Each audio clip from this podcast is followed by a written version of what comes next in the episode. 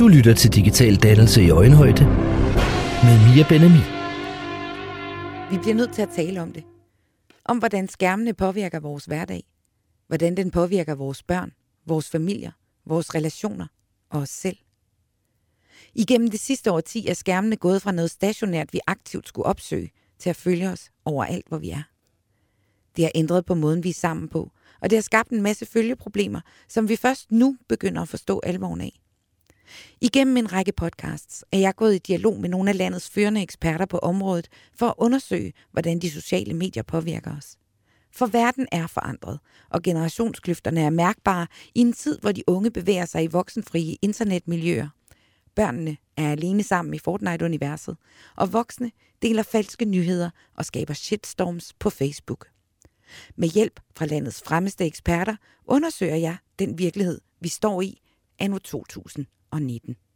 Programmerne kan høres som podcast, men er også at finde på YouTube. Og hvis du ser med der, vil jeg opfordre dig til at begynde at strikke, eller tegne, eller rydde op, eller hvad du ellers gør, når du lytter. For der er ikke rigtig mere at se, end det du kan se lige nu. Rasmus Brohave er internetstjerne og tv-vært. Rasmus har lavet YouTube de sidste seks år og har flere gange vundet prisen som årets YouTuber ved Guldtuben. Rasmus er ambassadør for UNICEF, tv-vært på DR Ultra og har udgivet bogen Sådan blev jeg Rasmus Brohave om sit liv som YouTuber. Vi møder Rasmus i min stue hjemme på Sydfyn, hvor Rasmus også selv er fra. Du lytter til Digital Dannelse i Øjenhøjde med Mia Benami. Hej Rasmus. Hej. Hvor var det fedt, du ville komme. Hvor var det fedt, jeg måtte her i Svendborg. Jamen, det er jo det, du er på hjemmebane. Det er jeg. Ja. Men selvfølgelig måtte du komme, fordi jeg har det sådan, den her rejse, jeg har været ude på, den startede jo faktisk for tre år siden, da jeg opdagede dig. Det var sødt sagt. Det er jeg glad for. Men ikke desto mindre er det sandt, og det kan godt være, at, at vi lige skal, skal prøve at forklare, hvad det var, der skete. Jeg havde hørt fra Svendborg Bibliotek, at de havde haft besøg af en sådan YouTuber, Ja. og at det havde skabt øh, mega tumult, fordi at, øh, at det, alle dem, der gerne ville have billet, faktisk ikke kunne få det. Ja. Og jeg tænkte, det lød fuldstændig åndssvagt. og så ringede jeg til dig, jeg fik dit, dit, dit private nummer, Mm. og der var du 19 år på det her tidspunkt. Ja. Og så siger du, om du skal lige ringe til min manager. Du kunne ikke bare tage den igennem mig. Det kunne jeg Desværre. ikke. Og så tænkte jeg, hvad er det for en, smart ass 19-årig? Tænkte du det? Jamen, jeg tænkte sådan lidt, hvad, går det ud på? Hvorfor Nå. kan vi ikke bare... Øh... Jeg tror faktisk kun, jeg var 18. Du var måske kun 18. Eller 17. Altså, det er tre år siden. Jamen, så har jeg været 17. Så har du været 17. Ja. ja. Øhm, og så, øhm, så snakkede jeg med din manager. Mm. Og så var det, jeg fandt ud af, at det her YouTube, det er faktisk noget, folk gerne ville betale rigtig mange penge for, allerede for tre år siden. Ja. Men jeg opdagede også, at det var der meget få, der havde opdaget. Mm. Og så, så fik jeg jo... Jeg ville gerne have, at du skulle lave en YouTube-video, om du kom. Det ville du ikke. Men til gengæld ville du lægge en Snapchat ud. Ja. Kan du huske, hvad, du, hvad, du, hvad der skete? Nej, egentlig ikke. Nej. Jeg kan, jeg, kan, altså, jeg, jeg kan sagtens huske arrangementet og sådan noget. Jeg kan huske, og det er ikke bare noget, jeg sidder og siger nu, fordi vi laver podcast, men det er stadig et af de bedste arrangementer, jeg har lavet, på trods af, at jeg ikke var så stor dengang, og så videre, og så videre. Men det var simpelthen så godt afviklet, og det var lækre lokaler, og det var som om, du sådan forstod det, selvom du ikke forstod det. Ja. Du prøvede i hvert fald at Jeg forstå prøvede det. i hvert fald og det ihærdigt at forstå synes jeg, at du øh, gjorde rigtig godt. Tak skal du have.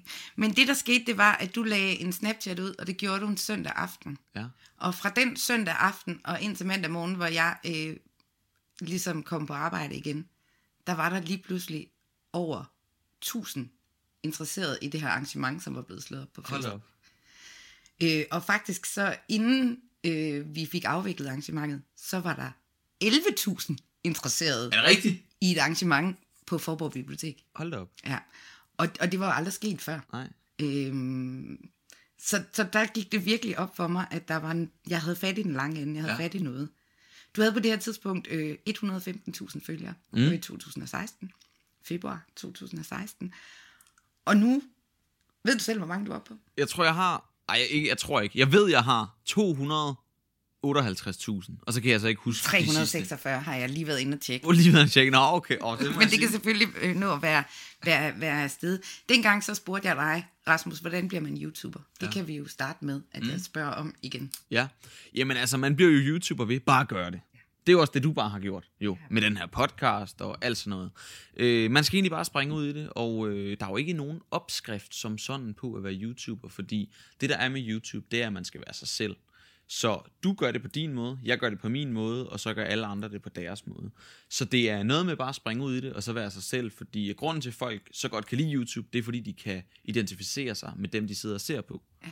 Så jeg har på en eller anden måde været en virtuel ven, skorstræk virtuel storebror, for dem, der sidder og ser mine videoer, fordi de kan spejle sig i mig, ligesom man kan i sine rigtige brødre eller rigtige venner. Ja, lige præcis.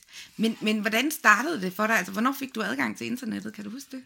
Jeg tror, jeg fik adgang til internettet, da jeg gik i sådan noget anden, tredje klasse, mm. hvor jeg begyndte at sidde og spille et spil, der hedder Harbo, hvor jeg sad, og som var sådan noget, hvor man kunne lave en vir- lille virtuel figur, og så kunne man for rigtige penge købe nogle virtuelle penge, og så kunne man så købe møbler, og så kunne man bytte sig til helt vildt rig. Og så kunne man altså chatte med andre dengang også. Mm. Jeg tror ikke, jeg var gammel nok til at have det dengang, men jeg brugte det altså dengang. Harbo.dk hed det. Og øh, jeg brugte så mange timer på det. Så det, det er sådan mit første minde med internettet, kan jeg huske. Ja. Og så kom MSN, når jeg blev lidt ældre, og så kom Facebook, og så lige pludselig, så var det YouTube. Ja, og, og hvad skete der, da du ligesom opdagede det her med, at man kunne uploade øh, videoer på YouTube? Jamen, jeg, jeg kan huske, at øh, jeg så nogle andre, der gjorde det. Altså for lang, lang, lang tid siden, måske sådan i 2010-agtigt, ja. øh, hvor YouTube jo heller ikke var særlig gammel. Der lå der jo nærmest kun musikvideoer, og så lige et par enkelte kattevideoer, til dem, der havde forstået, at man kunne opleve noget. Ja, lige præcis. Øhm, så, så jeg så nogen, der sådan ikke lavede det for at blive store derinde eller noget, men de lavede det bare for sjov. Og det blev jeg lidt inspireret af, og så begyndte jeg selv at sådan lære at kunne klippe og sådan. Og så begyndte jeg egentlig bare at optage forskellige ting med mine venner, og så prøvede vi at lægge det op, så kunne vi ikke finde ud af det, og så prøvede vi igen, og så kunne vi stadig ikke finde ud af det. Og så lige pludselig, så lykkedes det. Og så delte vi det på Facebook og sådan noget, og så, så en dag, så valgte jeg simpelthen at sige, nu, der starter jeg på YouTube. Ja. Og det er jo selvfølgelig over lang tid, det her det er sket, ikke? Jo. Så det, det tog jo flere år et eller andet sted, før jeg lærte, hvordan fan man egentlig uploadede, og at det var en ting og sådan noget. Jeg vidste heller ikke, at man kunne få subscribers dengang, altså inden, da jeg selv startede. Men, men hvad sagde din mor og far til, at, øh, at du begav dig ind i den her virkelighed? Jamen, ja, de var egentlig meget, de synes, tror bare, de synes, det var meget sjovt. Det var sådan lidt sødt, sy, tror jeg, de synes, at de tænkte bare, det var sådan en hobby, jeg, jeg bare lige havde fået. Og jeg tror ikke, de tænkte over, hvor mange mennesker, der potentielt kunne komme til at se det. Nej. Havde du selv tænkt over det? Overhovedet ikke. Nej. Jeg tænkte bare, nå, det er bare mine venner, og så kan jeg bare fjerne det igen, hvis jeg har lyst. Ja. Øh, så jeg kan huske, jeg lavede sådan en sang, der hed Rasmus-sangen, som bare var en, en optagelse af min computerskærm, hvor der stod Rasmus, og så sad jeg sådan og sang, ja, jeg kan ikke synge, så sad jeg sådan og sang om, hvor fedt det er at hedde Rasmus. Ja. Og det var øh, noget af det allerførste, jeg lavede, og det, jeg kan ikke finde det mere. Jeg tror stadig, det ligger et eller andet sted, men jeg, altså, jeg har prøvet at finde det, og jeg kan ikke, så jeg... Ja, jeg men, men internettet husker Rasmus, det glemmer aldrig. Jamen det er rigtigt, så det kan være en eller anden dag, så er der en, der finder det. det, det ligger nede i, i deep web. Ja, præcis. Ja. Øhm, men på et tidspunkt, så begynder det her jo altså at, at, at tage fart mm. for dig. Kan du huske, hvornår du sådan begynder at tænke sådan, gud, der er andre end, mine, end folk, der kender mig, der følger det her? Jamen, jeg, altså, jeg, jeg kan huske første gang, jeg blev genkendt på gaden. Ja. Det var til, det var her i Svendborg. Mm. Det var til Open by Night, ude foran Fætter Guff. Nej. Den ved alle fra Svendborg, hvor ligger. Ja. Ja, Det er en slikbutik, kan vi lige sige til lige dem. præcis. Til dem, der er fra alle de andre byer. Og håbentlig så, så når podcasten her ud over Svend. Ja, men det håber vi. Det håber vi. I hvert fald, hvis der sidder nogle Svendborgenser ude foran Fætter Guff. Jeg havde en rød og hvidstribet skjorte på, en kasket, der var alt for stor. Og så kom der en dreng hen og sagde, må jeg ikke få et billede med dig?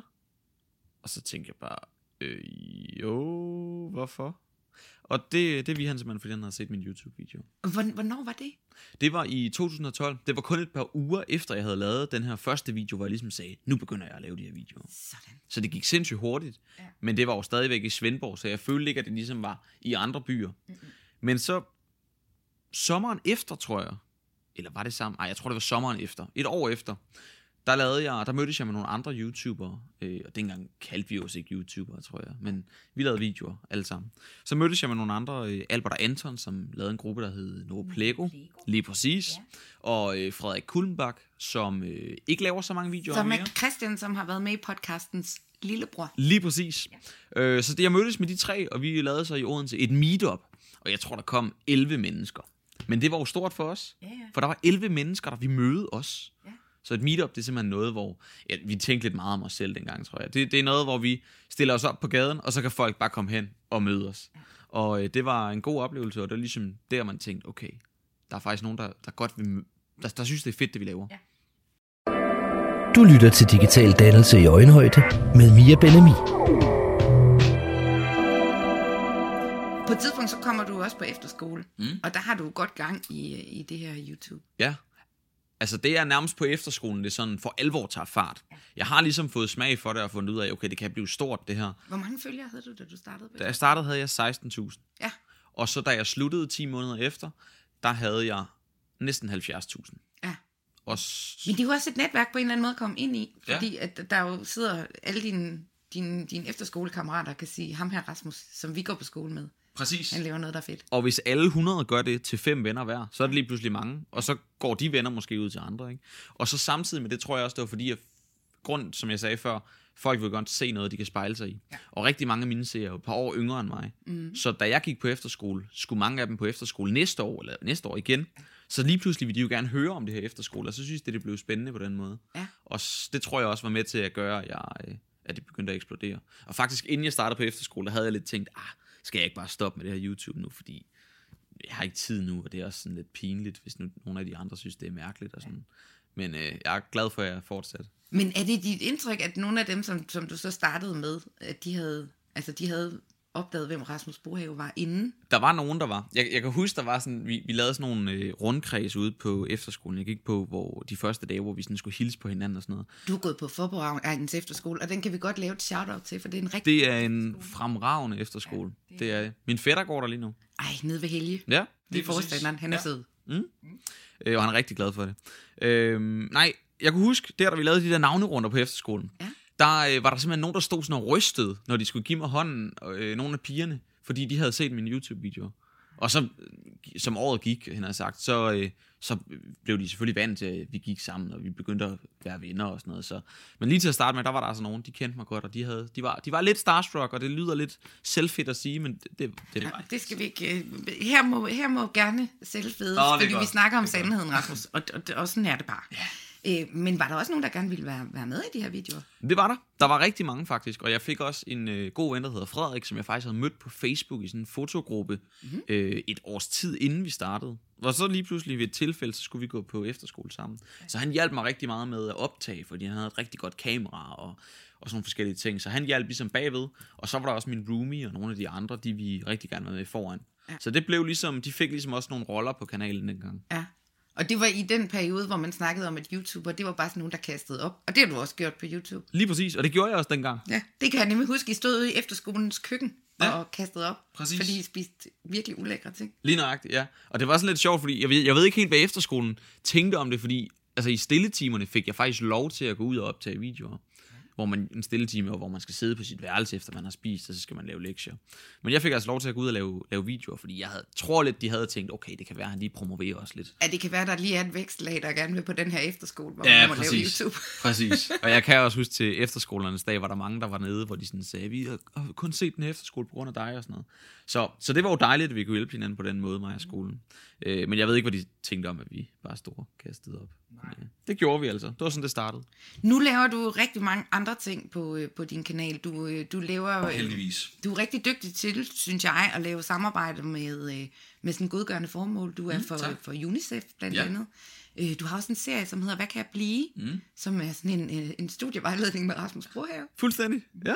Og det er meget ironisk, fordi jeg har ikke nogen uddannelse selv.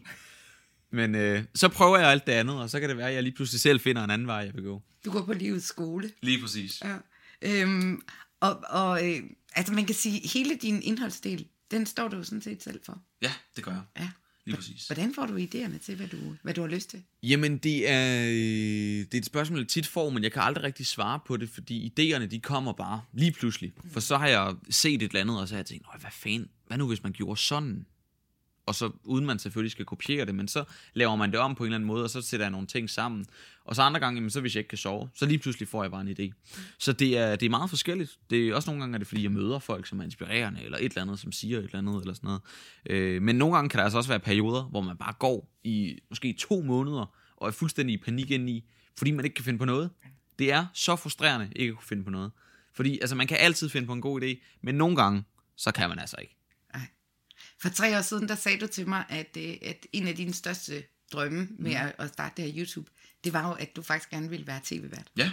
Det er jo også lykkedes efterhånden. Ja, jeg har lavet en del forskellige ting. Der har været en del på DR Ultra, og nu var jeg jo så på, på Guldtuben, på, som blev sendt på TV2 Zulu, som er det største awardshow i Danmark, til, hvis der er nogen lyttere, der ikke lige ved det. Ja, hvor du øh, skulle evakuere, hvad var det? 15.000 mennesker. 15.000 mennesker lige pludselig. Øh, det kan man gå ind og se. Øh, Rasmus, du, du har en ret øh, imponerende, øh, et ret imponerende bagkatalog, men det her, det skal jo blandt andet også øh, handle om digital dannelse. Ja, vi skal ikke kun sidde og rose mig, men... Øh, Det kan, det, kan man, det kan man sagtens bruge lang tid på, fordi du er en dygtig Nå, ung mand. Men, men det skal jo øh, handle om digital dannelse. Hvornår blev det sådan ligesom et opmærksomhedspunkt for dig, at det var noget, man, man, øh, man snakkede om i forhold til børn og unge og, og sociale medier? Men jeg synes, jeg mærkede det allerførst sådan tæt inde på kroppen, hvis man kan sige det på den måde. Mhm. Da medierne sådan begyndte at omtale YouTuber, øh, hvor de begyndte at skrive, at det var noget værre pis. Øh, det var ikke lige det, de skrev ordret, men de skrev jo noget med, at vi kun var sådan nogle, der kastede op, og altså, vi- var en døgnflue, og, og så videre, og så videre, og vi var fuldstændig spild af tid, og vi var talentløse. Og der var også rigtig mange, ikke bare medier, men så når de blev delt på for eksempel Ekstrabladets Facebook-side, men altså, vi bliver høvlet ned i kommentarfeltet. Og det er egentlig stadig noget, vi gør. Men der, der synes jeg, jeg mærkede det første gang, fordi at mange voksne, de var sådan i oprør over, at børn sad og så på os. Ja. Og det synes de var noget pis. Ja. Så der, der mærkede jeg ligesom generationskløften øh, for første gang. Ja, og det var faktisk øh, en af grundene til, at vi lavede det der arrangement i første omgang, fordi mm. vi inviterede jo faktisk ikke kun unge med, men skulle gerne have en forælder med for ja. at kunne komme ind, øh, fordi at, at jeg fik en idé om, at, at vi skulle prøve at, at få, det, få, få skabt noget ja. Bro her. Øhm, og, Der er og faktisk noget, jeg skal fortælle dig. det synes jeg. Øh, der var en... Øh, det, har, det har jeg fuldstændig glemt at fortælle dig. Jeg kan huske, da vi havde lavet det arrangement, der om, det var om, det var om øh, i sådan noget i februar eller sådan noget. Ja, det var i februar 2016. Ja, der om sommeren, der er jeg på Grøn Koncert og laver noget video for dem. Og der kommer der en voksen mand hen til mig og siger, Hej Rasmus, jeg vil bare lige give dig hånden. Jeg var til dit arrangement i Ringe, og øh, inden jeg tog til det, der var jeg meget skeptisk omkring det, dig og de andre laver. Men øh, nu, der har jeg faktisk forståelse for det, jeg synes, det er mega fedt. Yes. Så det lykkedes. Det har jeg glemt at sige til Ej, dig. vi må ikke high five, vi gør det stille. Sådan der. Fordi ellers så klasker vi ind i ørerne på hele vores ja. søde teknikdame. Ej, hvor, hvor godt. Mm. Ja, men, men der snakkede vi jo nemlig også rigtig meget om det her med, at, at vi skal lære noget af hinanden med det her. Du lytter til Digital Dannelse i Øjenhøjde med Mia Benemi. Og noget af det, som, som jeg er opmærksom på, det er, at de voksne ved faktisk ikke rigtig så meget om, hvad det er, de unge oplever, når de går på de sociale medier. Nej. Det er rigtigt. Hvad oplever du? Jamen, jeg oplever nogle gange, at øh, hvis jeg bliver genkendt på gaden, mm. og der kommer et barn hen, der siger, hey, må jeg få et billede med dig? Så kommer der rigtig tit en forælder lige bagved, som så siger, ja, jeg ved jo ikke, hvem du er. Det har vi hørt før. Præcis. Og det er, øh, det er jo ret skræmmende, fordi i princippet, så kunne jeg jo sidde og være en eller anden crazy fyr, der sidder og opfordrer til terror, eller et eller andet Eller andet. til at løfte op i trøjen. Ja, det kunne også være. Altså, det gør jeg ikke. Men i princippet, og der findes også nogle typer derude. Ja. Så jeg forstår ikke, hvorfor er forældre altid, når man sætter en film på, eller sætter noget, et, et spil på, så går de op i, at det ikke skal være alt for voldeligt, og dit og datten. Men på YouTube, der har de altså adgang til hele verden, men det lukker de bare øjnene for. Ja. Lige i øjeblikket, der kører der jo sådan en sag i, i medierne om, at, at unge mennesker deler øh, halshugningsvideoer med hinanden Ja. øh, på de sociale medier. Øh, er, er det bare sådan en to-tre stykker, der gør det, eller er det, er det dit indtryk, at, at det sker, det her med, at der faktisk er nogle ret voldsomme ting, der bliver, bliver delt? Det er klart mit indtryk, at det sker, desværre. Øh, nu har der selvfølgelig været det her i, øh, i, i medierne øh, på det sidste, men jeg har også for eksempel bare, øh, der er det ikke, hvor det er mine venner, der deler det med mig, men jeg har på et tidspunkt oplevet, at jeg scrollede ned i mit feed på Facebook, og så lige pludselig kom der bare en video op af en mand, der får skåret hovedet af. Og det er ikke noget, jeg har liket eller noget som helst, men fordi der er en eller anden kæmpe stor side med flere millioner likes, der har delt det, så kommer det op på min side.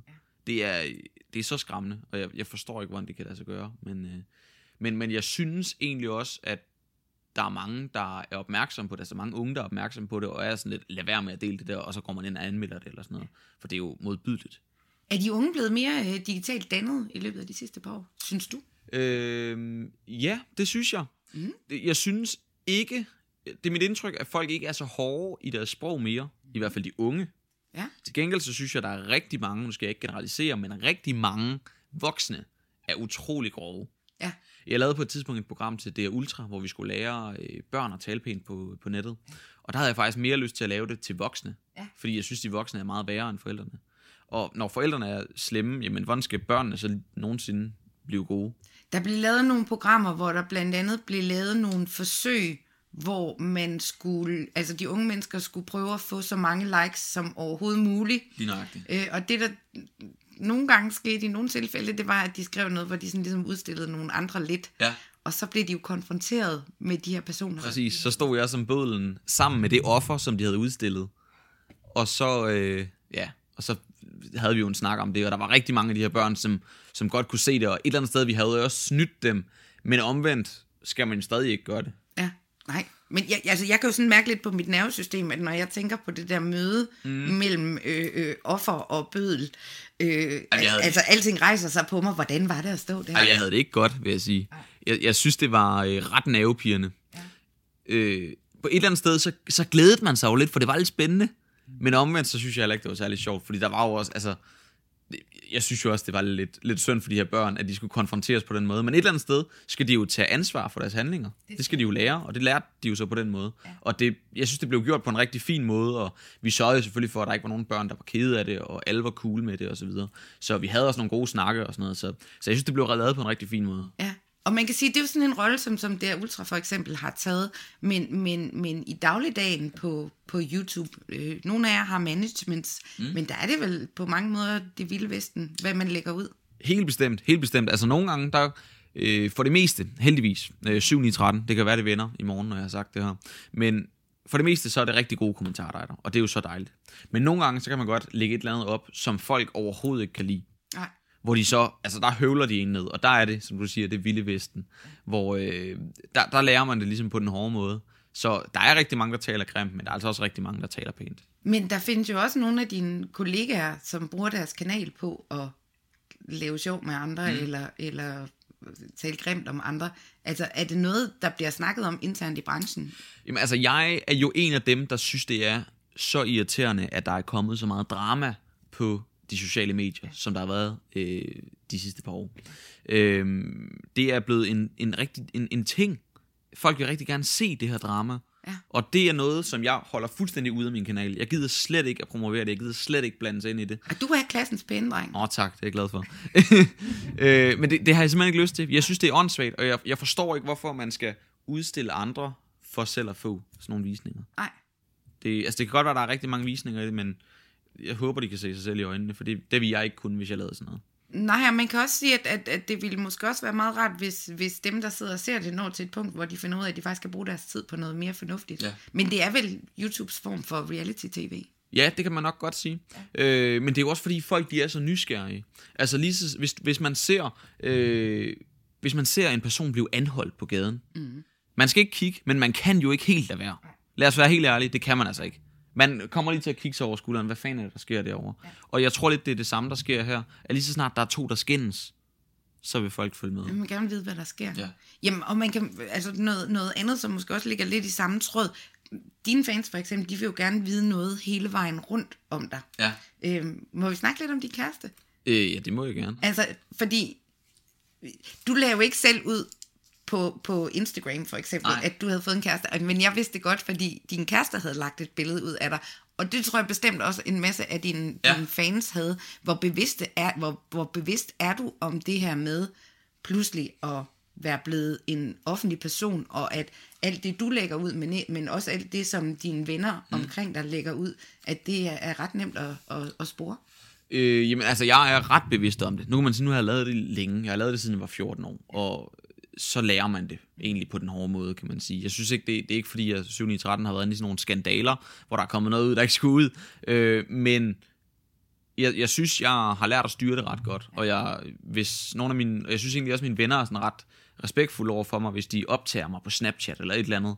Så spørger de nogle gange, må jeg lægge det her op? Og så siger jeg jo bare ja, hvis det er, fordi for det meste er det fuldstændig harmløst. Øh, men der, da jeg fik min kæreste, der øh, bevidst lagde jeg ikke noget op med hende. Jeg sagde, at du skal bare poste med mig. Det, det gør mig ikke noget, men, men jeg kommer ikke til at lægge noget op. Fordi jeg vil godt lige vente lidt. Fordi jeg ved, at der kommer til at være et eller andet om det. Ja. Øhm, og så, Du skal også lige vide, om det er alvor. Ja, det er jo det. Men det var det. Det er det. Nå, det er. Ja, ja. Øhm, nej, så lagde hun et billede op af mig, efter vi havde været sammen i nogle måneder. Og så de første par dage skete der ikke rigtig noget. Men så lige pludselig, så begyndte øh, likesene at trille ind på hendes profil. og der begyndte at være kommentarer, hvor folk taggede hinanden i billedet, og så lige pludselig, så var der en artikel på Se og Hør.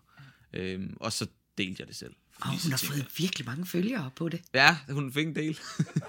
Var hun selv opmærksom på, at... at øh, Jamen, hun var faktisk ret iskold. Det var mere mig, der synes, det var, det var sjovt at følge med. Ja. Det var, altså, hun, fik en del følgere sådan dagene op til, inden jeg havde lagt det op, da den der ser, ser og hør artikel kom og sådan noget. Øh, men da jeg så delte billedet, der kunne jeg heller ikke selv. Der gik der sport i den for mig. Der var jeg nødt til at gå ind og se, hvor mange øh, følgere hun fik. Og der fik hun den første aften 11.000 følgere.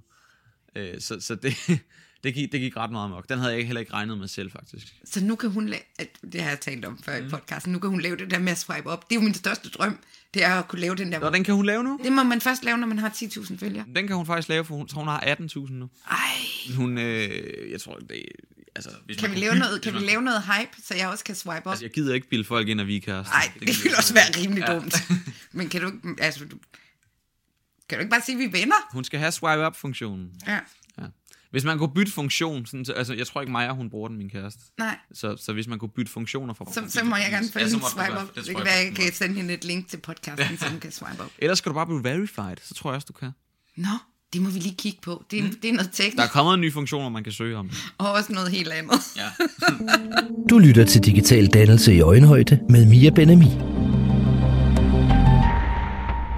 Men det er jo ret vildt, altså det her med, og det tænker jeg ikke, at der måske er så mange unge, der er, er opmærksomme på, det her med, at alt, hvad du lægger ud, det kan man faktisk ret hurtigt, altså man kan ret hurtigt kortlægge, hvem er dine bedste venner, hvem er du fan af, øh, hvem, øh, altså hvad er vigtigt for dig. Ja. Øh, og så opstår der jo faktisk øh, nogle gange øh, de her afpresningssituationer, hvor, øh, hvor man får sådan en mail om, hvis man har været inde på en fræk side, øh, det snakkede vi om i podcasten med Ulla Ja. Dyrlev, at øh, vi sender rundt til, og så er der fire billeder af nogen, hvor man tænker, hvordan, hvordan ved de, Ja. at det er dem her, der synes, mm. jeg synes er de vigtigste mennesker ja. i mit liv. Jamen, internettet er ret uhyggeligt på den måde der. Ja.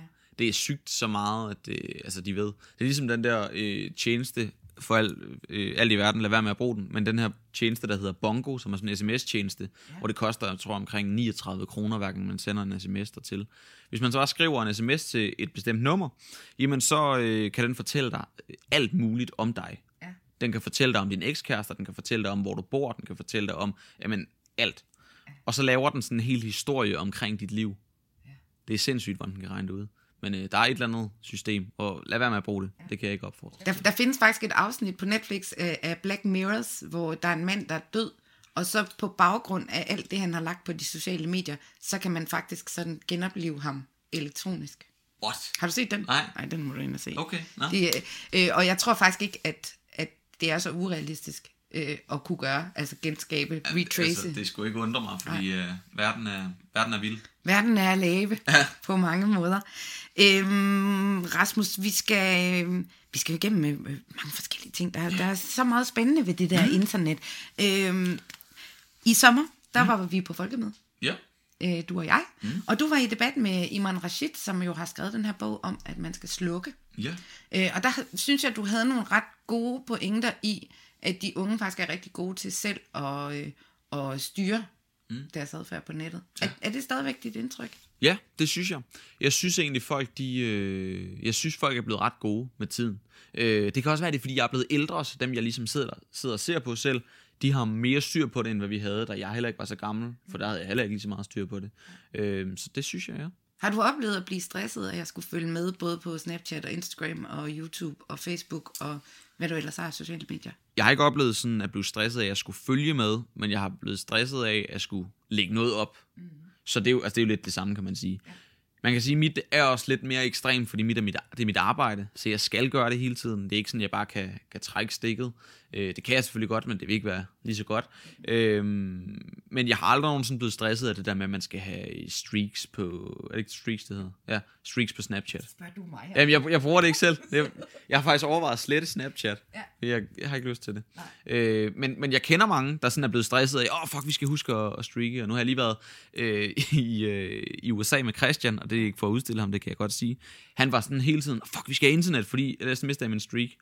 Så ja, der er mange, der går op i det. Men det snakkede vi jo faktisk også lidt om i podcasten med ham, at ja. Han faktisk godt kunne, kunne blive lidt stresset af det. Og, og, men jeg tænker jo faktisk også umiddelbart, at mange unge jo gerne vil være ligesom dig. Mm. Så selvom det ikke er deres arbejde, så føler de måske alligevel, at det er lidt af deres arbejde ja. Ja. at holde, holde den kørende. Men jeg tror helt klart, at folk er blevet... øh, Der er mange, der bliver usikre på grund af internettet, fordi at de ser alt det her på Instagram. De ser det her perfekte liv.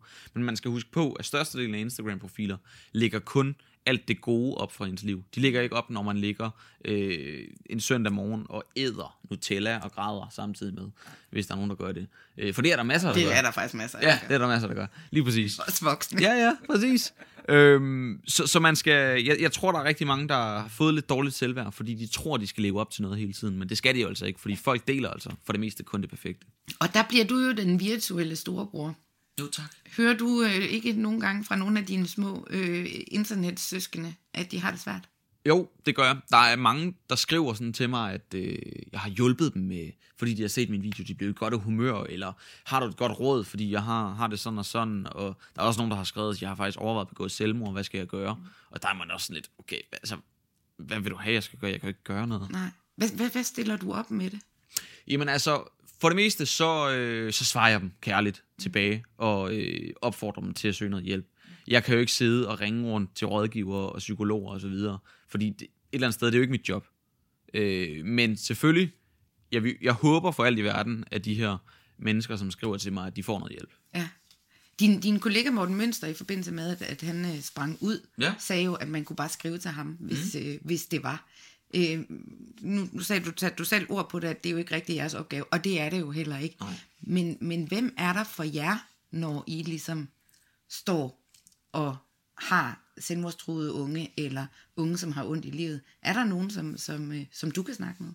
Øh, nej, men det, jeg synes faktisk, det lyder, det, lyder, ah, det lyder måske sådan lidt hårdt og lidt, lidt koldt, mm. men det synes jeg egentlig ikke, jeg har haft brug for Nej. at snakke om. Øh, jeg kan godt finde på at nævne det over for min familie eller sådan noget, eller nogle af mine venner, men det er ikke noget, jeg sådan går og døjer med, og noget, jeg sådan går og tænker over. Øh, fordi, nej det, nej, det synes jeg ikke. Nej.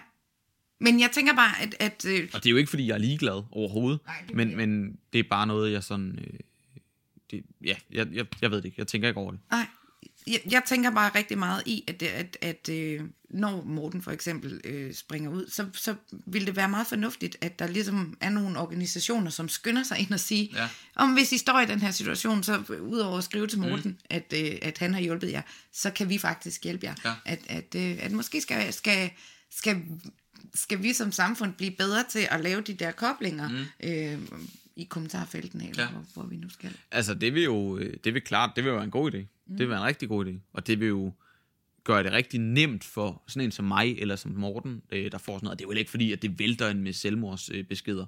Det er måske noget, jeg har oplevet tre gange. Ja. Øh, så, så det er jo ikke tit, men det er sket. Ja. Du lytter til Digital Dannelse i Øjenhøjde med Mia Benami. Har du øh, egentlig her øh, øh, voksenbøger, der i disse år vælter ind over markedet? Tror du selv, at jeg læser bøger?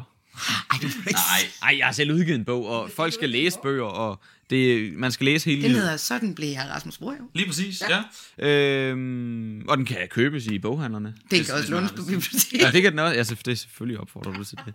Øh, ja. men man må godt købe den. ja, ja, selvfølgelig. Det er en god bog. Jeg har Ja, læst den. Tak. Det er jo et par år siden nu, eller Ah, hvad? Et år siden. Ja. Men lige nu bliver der jo udgivet nogle voksenbøger af mange af dem, som har været med i, i, i podcasten. Altså, Bent Maja Sørensen har jo skrevet øh, Sluk, som... Nej, Sluk, det er Imran Rashid, der har skrevet den. Mm. Øh, Bent Maja Sørensen, den hedder Skærmens Magi, og handler om det der, om, hvor, hvor vi bliver suget ned i skærmen. Ja. Øhm, så er der den her med, øh, øh, dit digitale barn har brug for en voksen. Ja. Øhm, og så er der Ulla Dyrløvs bog, som handler om alt det her psykologiske, der sker med, med børn og unge, når, når de er på, øh, på nettet. Hvordan mærker du, at der, at der er mere fokus på det her i de her år? Øh, jeg, jeg synes helt sikkert, der er nogle, øh, kan man sige, ildsjæle derude. Mm. Der er mange som dig og, og så videre, som, som går rigtig meget op i at skulle øh, formidle det her digitale dannelse og ligesom sætte forældre ind i, hvad det er, deres børn sidder og ser på. Og sådan noget. Det synes jeg jo er mega godt. Og jeg synes, der er kommet rigtig meget fokus på det. Og jeg synes også, altså det sidste år, der er der sket rigtig meget. Jeg synes heller ikke, det er særligt tit mere, jeg oplever de her forældre, der kommer hen og siger, jeg ved ikke, hvem du er. Så det er som om, at der... Fordi nu har du været i flow-fjernsyn, så, så har de opdaget Ah, det er godt at høre. Øh, hvad hedder det? Men, Så en gang fredagsunderholdning der, så er man rimelig sikret. ja, men det, øh, jeg prøver, prøver at komme ud. Nu hælder jeg lige vand op. Jeg håber ikke, det går for meget i mikrofonen. Der. Det, det, det er sådan en podcast, hvor man gerne må drikke Det er sådan en hygge-podcast, om det er godt. Øh, men nej, jeg synes, der er kommet meget mere fokus på det, og det synes jeg er godt. Ja. Hvordan, hvordan kan du mærke det? Altså, fordi en ting er, der er fokus, altså, mm. men, men, men altså, de debatter, der, der er omkring, følger Ja. ja. du med i dem? Jeg følger ikke med i debatterne som sådan, kun i den grad, at jeg måske følger med i en kommentartråd på Facebook nogle gange. Ikke at jeg sidder og kommenterer det selv, men nogle gange kan jeg godt finde på at sidde og læse med. Øhm, så på den måde kan jeg ligesom se, at der er kommet større forståelse for det øh, fra, fra forældres side. Ja. Nå, men jeg synes i hvert fald, at det, det er rigtig, rigtig godt, at, det, at der er kommet det her fokus. Mm. Men jeg tænker også, synes at jeg det er rigtig vigtigt at vide, hvad ens, altså hvor er det, de bevæger sig hen, de unge? Fordi hver gang jeg snakker med dig, så nævner du et nyt socialt medie, som jeg ikke anede fandtes. Ja. Øhm, vi, har, vi har snakket om Snapchat, vi har snakket om Instagram, vi har snakket om, øhm, YouTube. vi har snakket om Facebook. Øh, jeg tror, jeg har nævnt WhatsApp en enkelt gang. Ja. Hvad er vi ellers ude i? Jamen, så er der jo Twitter. Ja, Der er... Øh, men er det ikke mest for journalister og, og andre? Åh, det skal du faktisk ikke sige. Der er, der er en del unge, der er begyndt. Der er rigtig mange øh, piger, der følger deres store idoler fra USA. Øhm, der er også rigtig mange unge drenge. Der er mange gamere derinde, som sidder og med til at debattere derinde og sådan noget. Mm. Men det er et lidt mere seriøst medie, som måske er mere til journalister og politikere. Og, Øh, og men- skiderikker. Men jeg har haft det siden 2011, og skiderikker jeg. Der er skiderikker på hele internettet. Øhm, så er der TikTok, Ja. Musical.ly, Den har vi snakket med lakserytterne om, ja. og det, det er ikke for at tale dårligt om laksrytteren. Alt respekt for ham. Jeg forstår ikke TikTok. Nej, Jeg har det ikke, og jeg har aldrig haft det, og jeg, har heller ikke lyst til at have det. Nej. Der, der er jeg meget... Der, okay, nu lyder jeg virkelig som en gammel mand. Ej, kom og bliv gammel, Rasmus Brohave. men jeg, øh, det, det, det, det er ikke noget for mig. Nej. Men det, jeg tror også, det er lige så meget, fordi jeg kan ikke få mig selv til at stå der og danse til... Øh, Du drømmer ikke om at blive Beyoncé? Og... Nej, det gør jeg ikke. Nej. Er der flere? Mm, der er... Øh, hvad er der mere? Der er Shots. Kender du det? Nej, det gør jeg ikke. Det er Justin Biebers sociale medie. Som er, det gør jeg jo også. Det er, øh, jeg tror ikke, jeg har det ikke mere selv. Men jeg havde det engang, og han begyndte at følge mig derinde. Øh, og så likede han et selfie med mig Det, på. jeg kan mærke, at jeg reagerer sådan lidt starstruck ja. på det. Han har simpelthen set et billede af mig. jeg blev også meget starstruck. Og så var der en af mine venner, han skrev med ham. Øh, ja, det, det er helt vildt. Download shots, så kan du komme i kontakt med ham. Øh, det kunne man i hvert fald dengang. Jeg tror, det var i 2000 ved ikke, 13, 14. At det Kan man ikke mere. Nej. Øh, men det findes stadig, ved jeg. Og det er, øh, fungerer lidt ligesom Instagram. Ja. Så er der... Nej, jeg ved ikke, hvad der er mere. Jeg har opdaget noget. Mm. Jeg har, altså, og, og dengang jeg var, var ung, så hed det Chat Roulette. Nu hedder det Me TV. Me TV. Og jeg har ikke været- været derinde, men jeg kan godt huske chatroulette. Jeg vil sige, at det er nogenlunde det samme. Mm. Altså, øh, Er der lige så mange øh, dick øh, cams derinde?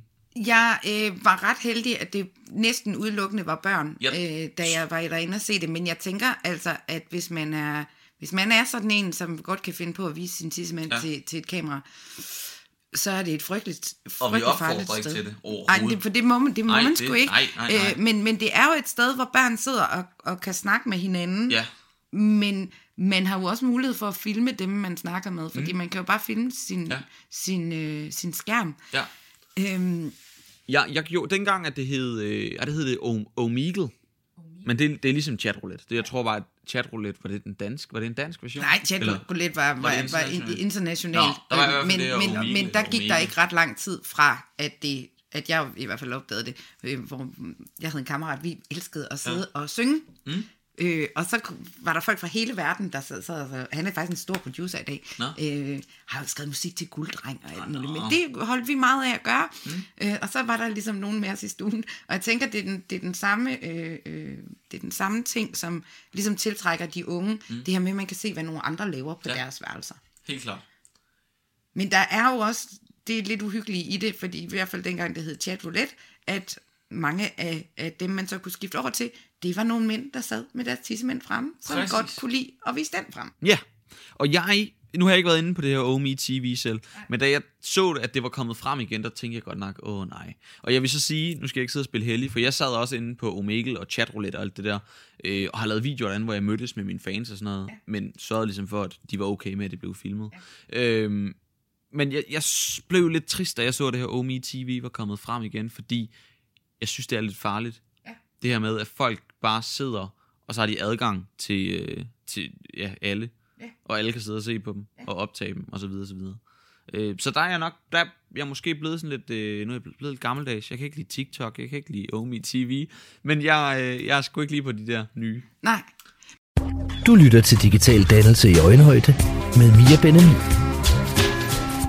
Men, men jeg tænker også, at, at der er nogle snakke, man skal have som forældre med sine børn, om hvad det er, de viser frem. Øh, jeg har også hørt forældre sådan omtale, øh, at når deres børn er begyndt at lave YouTube-videoer, så viser de jo rundt i hele deres hjem. Ja. Og det er jo heller ikke sikkert, at forældrene synes, at det er vildt fantastisk, at øh, alle ved, hvor deres designmøbler Ej. står, og, øh, eller hvor rodet der er hjemme i deres køleskab, ja. eller, eller andet. Jamen, jeg kan også huske, da jeg startede, der var mine forældre også meget sådan, du skal kun filme op af hvide vægge, og du skal ikke, du skal ikke vise noget i huset og sådan noget. Men så, da, da tiden ligesom gik, og jeg lavede det meget og sådan noget, så gav de mig lov til sidst. Mm. Men jeg kan godt huske, at vi havde nogle snakker om det og sådan noget. Og det tror jeg er meget klogt, at man har, fordi altså, det er tidligt at starte. Nu startede jeg som 14-årig. Det synes jeg også er tidligt den dag i dag. Mm. Men, men når man ikke er ældre, så skal man sørge for ens forældre, eller sørge, forældrene skal sørge for, at ens børn, de, øh, de ligesom har styr på det. Ja. Og så noget andet, jeg tænker over, det er, at man skal virkelig ruste dem til, ja. hvor, hvor stort det kan blive. Mm. Var dine forældre rustet til at hjælpe dig, da du lige pludselig havde over 100.000 følgere? Øh, nej, altså jeg vil sige, jeg vil overhovedet ikke bebrejde dem, men de var ikke klar til det. Fordi, Ej, dine forældre har også været first movers på det her, så, Jamen, så det hvis de det, var klar, det, det, så det, havde det også været mærkeligt. Det, hverken jeg eller dem eller nogen andre vidste, hvor stort det kunne blive. Så man kunne ikke vide det. Men de var gode på den måde, at vi havde rigtig mange snakke omkring det, og, og så videre, og så videre, og de har hele vejen igennem, og sådan er de stadig meget rådgivende, og meget, altså siger deres mening, og så videre. Så de er, jeg synes, de er rigtig gode til sådan at, at prøve at blive rustet, og jeg synes også, de er rustet den dag i dag, men det er ikke sådan, jeg tænker, at jeg er gået glip af noget, eller jeg har manglet noget støtte dengang, fordi de har lige fra start interesseret sig for det, og det tror jeg er det, det bedste, man kan gøre. Ja. Ja, fordi de har vel også nogle gange kunne opleve, at der har stået nogen ude foran jeres hæk i Otterup og tænkt, øh, det er en Rasmus Brohave Lige nøjagtigt, ja. Det er, det er noget, der er sket mange gange, og der har også været nogle gange, hvor min far lige har været nødt til at gå ud og spille sur, fordi at så har folk bare stået og banket på ruden eller et eller andet. Ikke? Ja. Så, så mine forældre har været rigtig gode. Hvor er de henne i det nu? Jamen, øh, de er jo... Øh, de er med i det på den måde, de følger stadig med. De ser alt, hvad jeg lægger op. De siger deres mening de spørger ind til det. Øh, nogle gange spørger jeg dem til råds omkring, øh, jeg har fået tilbudt det her, hvad, hvad synes I? Er det dumt? Er det godt? Øh, kan det skade andet?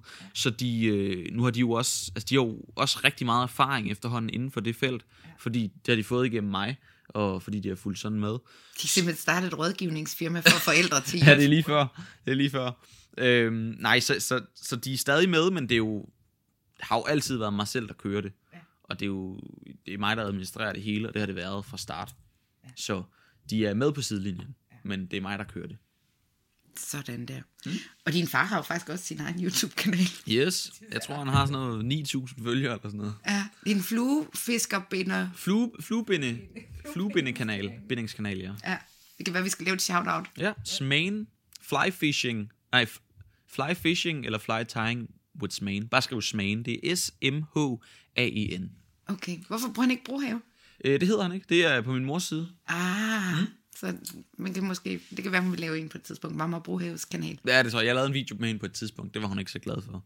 Men øh, det gjorde jeg.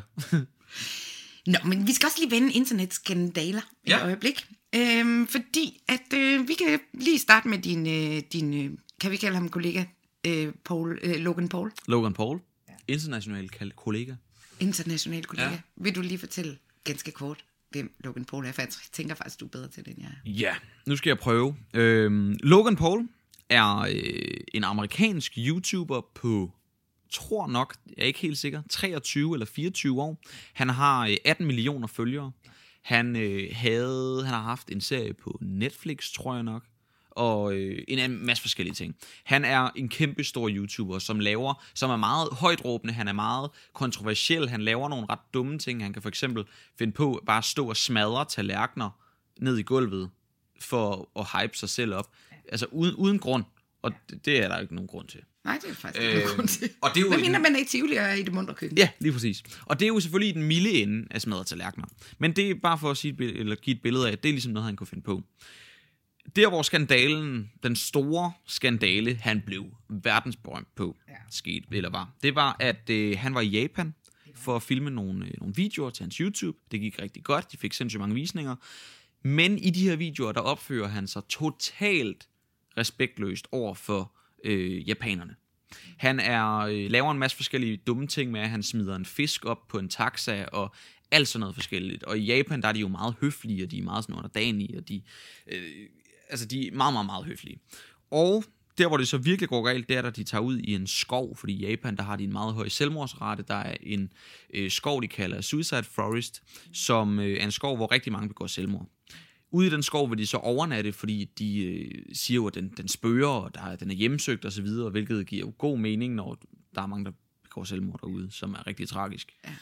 Da de kommer ud til den skov her, der når de at gå ved ikke, 100 meter ind, og så lige pludselig finder de et lig, der hænger ned fra et træ.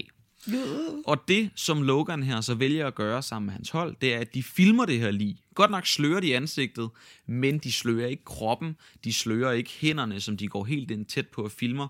Man kan altså se, der hænger en mand her. Det vælger de så at lægge ud på YouTube, og ham her Logan, han har et meget ungt publikum, så det er ud til en masse børn. Og øh, der går internettet fuldstændig amok. Og så, altså, hele verden går amok. Hele internettet går amok på ham. Og han ender med at pille videoen ned, han ender med at sige undskyld. Det er i alle medier verden over. Og jeg bliver også ringet op af journalister for at spørge, om, hvad jeg vil sige, om jeg har noget at sige om det her, og så videre, så videre. Så, så alle bliver ligesom involveret i det på en eller anden måde. Og YouTube lukker jo faktisk også ned for min kort periode. Ja, YouTube de gør sådan, så han ikke kan tjene penge på hans, øh, hans videoer mere. Øh, jeg tror måske, de har åbnet op for det igen, det er jeg ikke sikker på. Det har de, ja. Øh, men i de her dage er han 100% gået glip af rigtig mange millioner kroner, hvilket nok ikke betyder så meget for ham, når han er så stor. Men whatever, det skete. De lukker Disney fyre ham. Øh, der, der sker alt muligt forskelligt. Han mister alt, stort set, men han har stadig sin kanal. Og han kommer så tilbage med den her undskyldningsvideo, og det gør, det her, den her skandale gør egentlig bare, at han bliver hypet endnu mere. Og så er der så en britisk YouTuber, der kalder sig KSI, han hedder JJ i virkeligheden. Han laver en boksekamp i England, hvor han til sidst i boksekampen kalder øh, Logan Paul ud, altså udfordrer ham til at bokse. Og, Var han der simpelthen som publikum? Nej, det var han ikke. Han, han siger det bare i mikrofonen, og så ryger det ud på den her livestream, som, hvor der er flere hundredtusind seere. Øhm, og så på den måde bliver Logan faktisk reddet af KSI, selvom KSI hader ham. Så lige pludselig så begynder den her store boxing, boksekampagne, fordi Logan tager selvfølgelig imod udfordringen, fordi han tænker, det her det kan redde mig. Og øh, så laver de øh, et af de største internet øh, live begivenheder i, øh, i historien, som simpelthen er en boksekamp i Manchester, som ender med at blive uafgjort. Ja, for du tog over og så den. Jeg tog over og så den, og jeg øh, er ikke fan af Logan Paul. Jeg kan rigtig godt lide KSI's videoer, faktisk. Han siger også nogle kontroversielle ting en gang imellem, men, men øh, lad, den, lad den ligge. Øh, jeg synes simpelthen, jeg vil se det her, fordi jeg vil godt se, hvor stort det var blevet. Ja. Det var ikke for at støtte dem, det ved jeg godt, det gør jeg, når jeg lægger mine penge der. Men det var simpelthen for at opleve den her stemning, og den her hype, der var kommet omkring det, fordi det synes jeg var rigtig fascinerende. Så et eller andet sted var det jo et skulderklap til dem, fordi jeg synes, det var altså hatten af. Det var virkelig flot, de havde stablet til stort arrangement på benene. Men et eller andet sted, så synes jeg også, det var lidt, lidt plat. Men, men, men hvordan var det at være til sådan en begivenhed? Det var, øh, det var vildt, fordi øh, folk var jo glade. Men da boksekampen gik, øh, gik i gang, der kunne man tyde, nu var det i England, og KSI, han er fra England, så størstedelen af publikum Ah, og, var Paul, selvfølgelig og med... Logan Paul, jeg bliver ved med at kalde ham Paul Logan. Johnny Logan. øh, det Logan Paul er fra USA. han er fra USA. Ja. Så der var ikke særlig mange amerikanere derovre, men der var selvfølgelig stadig nogle britiske, der, der hæppede på ham. Ja. Øh, så, så det var en vild stemning. Den øh, kogte fuldstændig, den her sal. Og til at starte med, der var det faktisk meningen, at deres lillebrødre, altså Logan og KSI's lillebrødre, de skulle bokse først. Så det var ligesom opvarmningskampen. Og så til sidst, så eksploderede det med, øh, med Logan og, og JJ. Ja. Øhm, og det var, øh, det var vildt, men jeg synes, det var lidt ærgerligt, den blev uafgjort. Ja, altså fordi man kan, man kan sige, hele pointen med det der var vel at, altså, at, at straffe. Ja, det, det var jo for at se, hvem der øh, bestemmer, han har sagt. Det var jo totalt gammel, øh, gammeldags, øh, øh, men, men det var jo bare underholdning. Det var jo show, og det skulle ikke undre mig, hvis de er gode venner i virkeligheden. Nej. Og det er jo altså noget af det, som kan gøre, at der kommer rigtig meget opmærksomhed på, på YouTube. Du lytter til Digital Dannelse i Øjenhøjde med Mia Benami. Ja. Hvad, hvad foregår der lige i øjeblikket? Altså for et par år siden, vi snakkede Ja. om, at der var det trenden at, mm. at, at kaste op. Øh, Jeg har set, der er en trend lige i øjeblikket med at bestille ting fra Wish og Ja, gå med dem. det er en Wish, det er en meget dårlig øh, hjemmeside, hvor du har bestilt dit kamerastativ. Det skal du ikke sige. Nej, nej, det har du. Nu er det ude. Øh, det er en side, hvor man kan bestille alt muligt skrammel, som er meget billigt og meget dårlig kvalitet. Ja, øh, men Det var ikke et shout-out. det var ikke et shout-out, nej. Øh, men en af de ting, som er meget op at køre lige nu, det er, at verdens største YouTuber, der hedder PewDiePie, eller kalder sig PewDiePie, han hedder Felix i virkeligheden, han er svensker. Han har lidt over 80 millioner følgere, og han har siddet på tronen over den mest subscribed kanal i rigtig mange år nu. Men nu er der altså kommet et indisk produktionsselskab, der lige har overhældet dem, overhældet ham i, jeg tror for tre dage siden.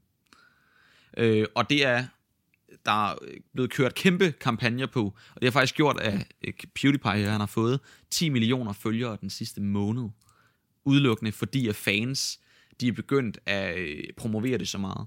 Og det endte med, at der var hackergrupper, som hackede sig ind på, jeg tror det var 50.000 Chromecasts, hvor så de smed op på fjernsynet ved folk, hvor der så stod, subscribe to PewDiePie. Så det, det er sådan gået fuldstændig amok, og det er, øh, ja, det er ret vildt. Jamen, jeg er fuldstændig... Øh, mm. er fuld, tænker jeg, sådan noget kan ske. Ja, det er vildt. Altså, internettet er øh, fantastisk og forfærdeligt på mange måder. Ja. Øh, men det er jo ikke en trend som sådan andet end det er en, en ting lige nu. Det er en ting lige nu. Ja. Hvad, hvad laver de danske YouTubere? Øh, det er blevet en stor ting at reagere på andre YouTube-videoer. Mm-hmm. Så altså, folk sidder og ser en YouTube-video, så kan man så se dem se en video, Okay. hvis det giver mening. Ja. det er ikke noget, jeg laver, men øh, det er noget, der får rigtig mange visninger lige nu. Jeg prøver ligesom at... Nu har jeg lige ude at rejse, så jeg, jeg prøver at lave det ligesom på min egen måde. Så nu har jeg lavet en masse rejsevideoer, så laver jeg, hvad kan jeg blive og sådan noget. Jeg hopper ikke så meget med på de trends der lige for tiden, men det kan være, at jeg gør det på et senere tidspunkt. Men, men øh, altså, det er mit indtryk, at der bliver ved med at komme rigtig mange Ja. nye YouTubere. Altså 2018 er helt klart året, hvor der er kommet flest nye YouTubere til, tror jeg. Nu er, vi, øh, nu er jeg en af dem, der var en af de første, der startede. Der var også nogen, der startede før mig, men jeg kom ligesom med et af de første kul, der Splay og så videre startede. Øhm, så vi har ligesom siddet og været nogle af de største lang tid. Men nu er der kommet rigtig mange nye, som faktisk er begyndt at overhælde mange af os. Nå, hvem er det? Øh, jamen det, jeg har ikke opdaget dem. nu er det, det er seriøst ikke, fordi jeg ikke vil sidde og promovere dem, men, men jeg, jeg, jeg kan ikke navnene på dem. Nej. Fordi jeg, jeg, jeg, jeg, jeg ser, ikke, jeg ser det ikke selv.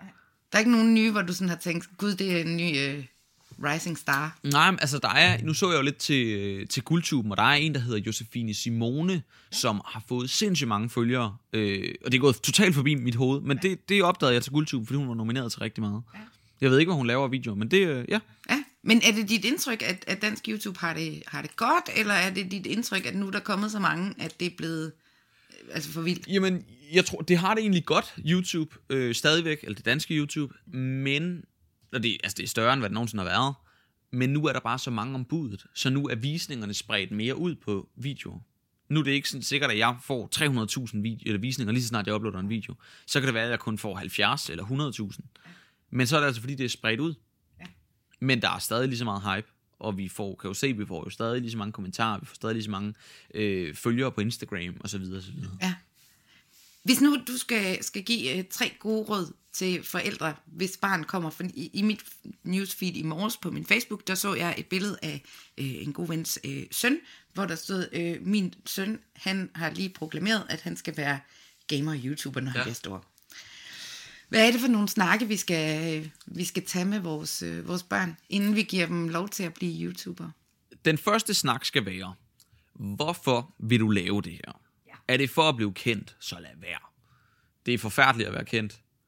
Det er, øh, altså der er ikke nogen, der er ikke noget, jo, der er nogle goder nogle gange, men øh, altså det, det, det er ikke særlig fedt, som folk tror, det er. Nej. Øh, og det er ikke fordi, jeg skal sidde og sige, fuck, jeg er bare så kendt. Nå, men skal vi lige dvæle men, lidt ved men at det? være et offentligt ansigt, det er øh, hårdt på mange måder. Der er også rigtig mange goder, og øh, der er jo heldigvis flere goder, end der er dårlige, for ellers vil jeg jo ikke blive ved med det her.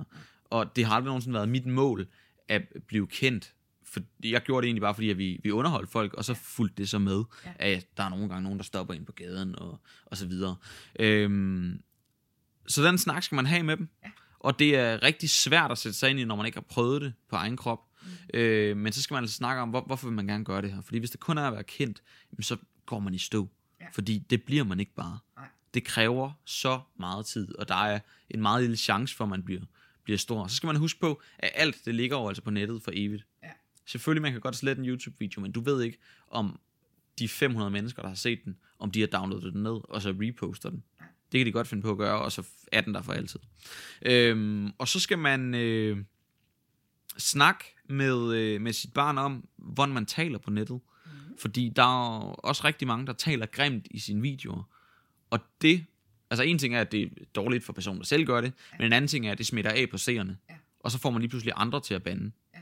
Og jeg kommer også til at bande nogle gange, men det er mest sådan noget sku, eller øh, hvis der sker et eller andet, det taber et glas vand, så siger jeg lige fuck nogle gange. Ja. Ikke? Men det, det føler jeg selv er meget, meget naturligt, meget øh, noget, man bruger i dagligdagen også. Ikke? Øh, så, så man skal huske på, at man skal ikke gøre det for at blive kendt, man skal tale pænt, og den sidste, det er, at man skal lave sit eget indhold. Så man skal lade være med at, at gøre alt det, som man lige har set, at nogle andre har gjort. Præcis, fordi hvis man vil komme frem, det vil man jo gerne, når man starter, Ja. ja. så, så skal man gøre det på sin egen måde, for ellers så kommer der bare, altså så er der bare tusind mennesker af den samme person. Ja. Jamen, altså, lige nu, der synes jeg, at jeg kan se enormt mange øh, ASMR-videoer, men det er måske, fordi jeg kommer til at se en. Ja, det tror og det jeg. kan godt være, at vi lige skal forklare, hvad, hvad, hvad ASMR er. Har vi gjort det i en af de andre heller? Nej. Ja. ASMR, det er sådan noget, hvor man... Så skal ja. man smaske for folk, eller, eller spise noget. Vi, vi, jeg kan for eksempel lige hælde noget ja. vand op her. Så laver jeg lige noget vand ASMR. Er du klar til det, Rasmus? Spørg Kasper, som er en YouTuber, han har lavet, øh, han har lavet en med Anders Madsen, og den er utrolig sjov. Nu skal I se. Ja. Det, det, det er sådan nogle videoer, som mange unge sidder og, og ser og falder i søvn til. Ja. Hvorfor gør de det, Rasmus? Jamen, jeg tror, det er, fordi det er meget... Øh, nu, nu kommer det også an på, hvad det er. Ikke? Der, er sådan, der findes sådan en... Øh, jeg tror, hun er fra USA eller sådan noget. Der, der findes en kvinde, som lever af at sidde og spise pickles. Ja, Pickle. Lady. Ja, pickle Det har vi lady. nævnt før, har vi ikke det? Ja. Og, og det forstår jeg ikke er rart at høre på. Til gengæld, jeg kan godt forstå, hvorfor det er rart at høre på sådan nogle øh, glaskugler og sådan noget. Det synes jeg er meget afslappende på en eller anden måde. Ja. Øh, ikke fordi jeg er faldet i søvn til det selv, men jeg kan godt, jeg kan godt følge folk, der gør det. Ja. Altså det, der er mening med det, det er, at det faktisk skal give sådan nogle hjerneorgasmer, fordi ja. Ja. man sådan lydmæssigt synes, at... Man koncentrerer sig kun om det, og det er sådan, det er meget rart. Og man kan også finde nogen, der visker sådan, har du haft en dejlig dag? Ja. Og sådan, ja. Præcis. Ja, det er meget sjovt.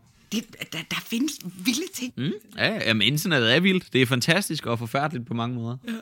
Hvad, hvad er det vildeste, du har, øh, har set på internettet? Det vildeste, jeg har set? Åh, oh, det ved jeg ikke. Det ved jeg sgu. Jeg har set, jamen, jeg har, set så meget. Du har set det meste, ligesom Thomas Helmi siger. Siger han også det? Og det er bare en sang. Nå, det var en sang. Nå, ah, okay. Og jeg kender kun Malaga, og det er mig, der står... Ej, jeg kender faktisk en del. Du lytter til Digital Dannelse i Øjenhøjde med Mia Benemi. Men Rasmus, øhm, du skal til at op på turné. Ja, Du har simpelthen fået dit eget show. Ja. Øhm, det synes jeg jo, du skulle have allerede for tre år siden. Der sagde Nå, jeg, skal vi ikke tage ud og, og, og lave et show? Så sagde du, nej, det kan. Altså, jeg skal også lave nogle videoer og sådan. Men, men nu er der, er der ligesom base for det. Du laver øh, et show, som hedder internetstjerne, spørgsmålstegn. Internetstjerne Og spørgsmålstegn. man siger bare internetstjerne, men det staves med et spørgsmålstegn til sidst. Hvem, hvem- hvem er det, der skal komme og se det her show? Synes du? Øh, dem, jeg synes jo, alle skal til ind og se det. Ja. Men primært, så er det til øh, unge Ja. og deres forældre. Ja. Det er et show, der både er til dem, der forstår YouTube, til dem, der følger mig, mm. men det er også et show til dem, der måske ikke helt forstår det, som mangler lidt en forståelse for det, eller som gerne vil vide mere om det. Og øh, så tager jeg jer simpelthen i hånden en øh, times tid. Ja. En time, måske et kvarter over. Det, øh, det ser vi lige på. Det kommer an på, hvor, hvor langt jeg Ja, hvor, hvor meget det, det fylder. Så formålet er faktisk lidt det samme som med podcasten her, at Det kan man godt sige, ja. øh, øh, gøre folk klogere. Ja, og så giver jeg jo et øh, ret sådan øh, et ret dybt indblik i, hvordan det har været at være mig de sidste par år. Og det lyder jo sådan lidt, øh, lidt selvfedt, men det sagde du, vi godt måtte være her. Det må du godt Så, være, men jeg synes heller ikke, ja. det er selvfedt, Rasmus, Nej. fordi det er jo faktisk sådan, det er. Altså, vi- kan lige så godt øh, altså, melde helt klart ud. Du er en af Danmarks allerstørste YouTuber, og du er bestemt i hvert fald en af dem, som har haft allerstørst succes med at gøre det på en rigtig sympatisk måde. Det er jeg glad for. Ja. Mange tak. Og jeg håber, der er rigtig mange, der kommer ind og ser dit show. Jeg gør i hvert fald. Tak, jeg det håber jeg også. til premieren her i Svendborg. 26. februar. Derefter i København, det er den 28. Bremen Teater, og så Jeg ved faktisk ikke, om det har kørt, når vi udsender den her. Men, det kan godt være. Men, men øh, ellers gå lige ind på rasmusbrohave.dk, så kan I se, om der er nogle datoer, der er og ledige. ellers så kan det være, at den udkommer. Måske. Eller hvad? Tænker Måske. du det? Jamen, Det ved vi ikke helt endnu. Vi, øh, vi snakker om det, men vi skal lige finde ud af nogle forskellige ting. Ja, men fordi at, at, at, at jeg synes jo, og det er jo derfor, jeg er så glad for, at, at du laver det. Jeg synes jo, der er rigtig meget brug for det i de her år. Mm. Og der er brug for, at vi, vi taler om det. Og jeg er rigtig glad for, at du gør det. Og, og jeg håber også, at det her kan sætte, sætte gang i nogle, i nogle snakke. Så Rasmus, er der, er der noget, vi sådan lige skal, skal sige for at, at afrunde det her fantastiske emne sige, om digital dannelse? Øh, vi skal sige til folk, at øh, der er rigtig mange gode derude, og alle jer, der er gode, vil I ikke godt lære alle dem, der er dårlige til internettet omkring det. Ja, vi skal simpelthen snakke med hinanden og gøre hinanden bedre. Ja. Ja, Og så se nogle ASMR-videoer. Ja, det bliver man så dejligt rolig af.